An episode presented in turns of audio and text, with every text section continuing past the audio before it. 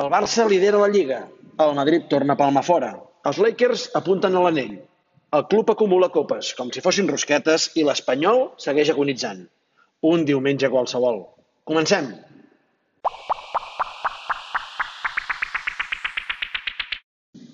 El Madrid de Zidane acumula 4 derrotes als darrers 7 partits i dels seus últims 5 només ha aconseguit guanyar el partit que l'enfrontava, sí, amics, el Barça.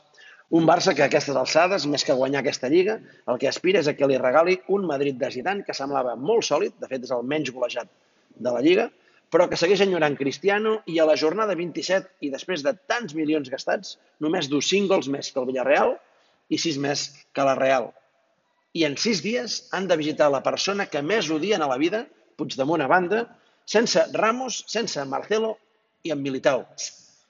I el més alleugeridor per a Guardiola i dramàtic pel Madrid, sense Cristiano. Segon cop de puny sobre la taula de l'Ebron i els seus Lakers. Més Lakers i més seus que mai en tres dies. Si divendres li va guanyar el one and one Antetokounmpo i va fer volar el seu equip per sobre del que encara ostenta el millor rècord de la Lliga, aquesta matinada ha minimitzat els fenomenals Kawhi Leonard i Paul George governant l'últim quart com només el governen els grans campions i assestant un cop dur als Clippers, el gran rival a l'oest que queda ja a sis partits i mig dels porpra i or. Cada any que l'Ebron aspira al títol, la mateixa història. Passa l'All-Star, el bitxo es posa sèrio, els rivals tremolen i l'NBA trontolla.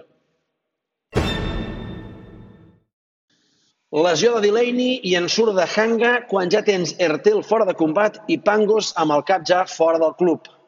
La victòria ahir al camp del Movistar Estudiantes li va sortir a l'equip de Pèssic més cara que em surt a mi la factura mensual del patrocinador de l'equip col·legial.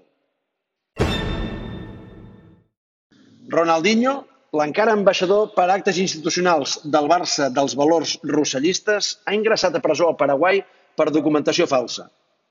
El Museu del Barça, dels valors nunyistes, encara du el nom d'un expresident condemnat per suborns i la samarreta d'un condemnat per corrupció encara penja del sostre del Palau dels Valors Monàrquics. Doncs no sé, Barça, no sé. Florentino Pérez va fer l'altre dia un popurrit d'àmfores, Champions i Eurolligues i va treure pit de gran club amb les 23 Copes d'Europa del Madrid i a l'instant ja li contestaven a Twitter que el Barça en té 42. Un petit eh, consell pel president Blanc. Presidente, si el martes 17 el City os echa de la Champions, ni se te ocurra sacar pecho juntando ligas y copas. Acumuláis 115, 62 en baloncesto y 53 en fútbol. Lo que no es que estén muy bien, sino que son una barbaridad. El problema, presidente, es que con las de ayer en balonmano ante Benidorm y de fútbol sala ante Valdepeñas, Los de arriba se van a las 209. Sí, sí, 209. 8 en fútbol, sala, 43 en baloncesto, 49 en balonmano, 53 en hockey y 56 en fútbol. Sí, señor Pérez, aunque con la presidencia de Bartomeu hayamos dejado de ser más que un club, seguimos siendo el mejor club. Dramàtica derrota de l'Espanyol a camp de l'Ossassuna i divorci de l'equip amb l'afició, com a mínim amb la desplaçada al Sadar, que va acomiadar l'equip amb insults varis i a la que només li va faltar canviar la primera inicial de la seva flamant estrella i passar del crit de RDT a ODT.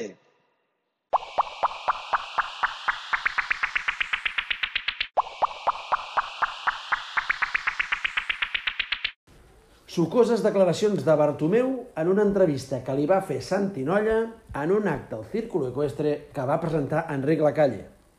Bartomeu, Nolla Círculo Equestre, Enric Lacalle. Brrr, quasi no explota el cap, eh? Bueno, que anàvem. Insisteix Bartomeu. Ja ho he dit molts cops, els jugadors no manen, els jugadors opinen. Si aquest no és el problema, Barto. El problema no és que els jugadors no manin, sinó que opinin. El problema és que el president no presideixi, sinó que els obeeixi.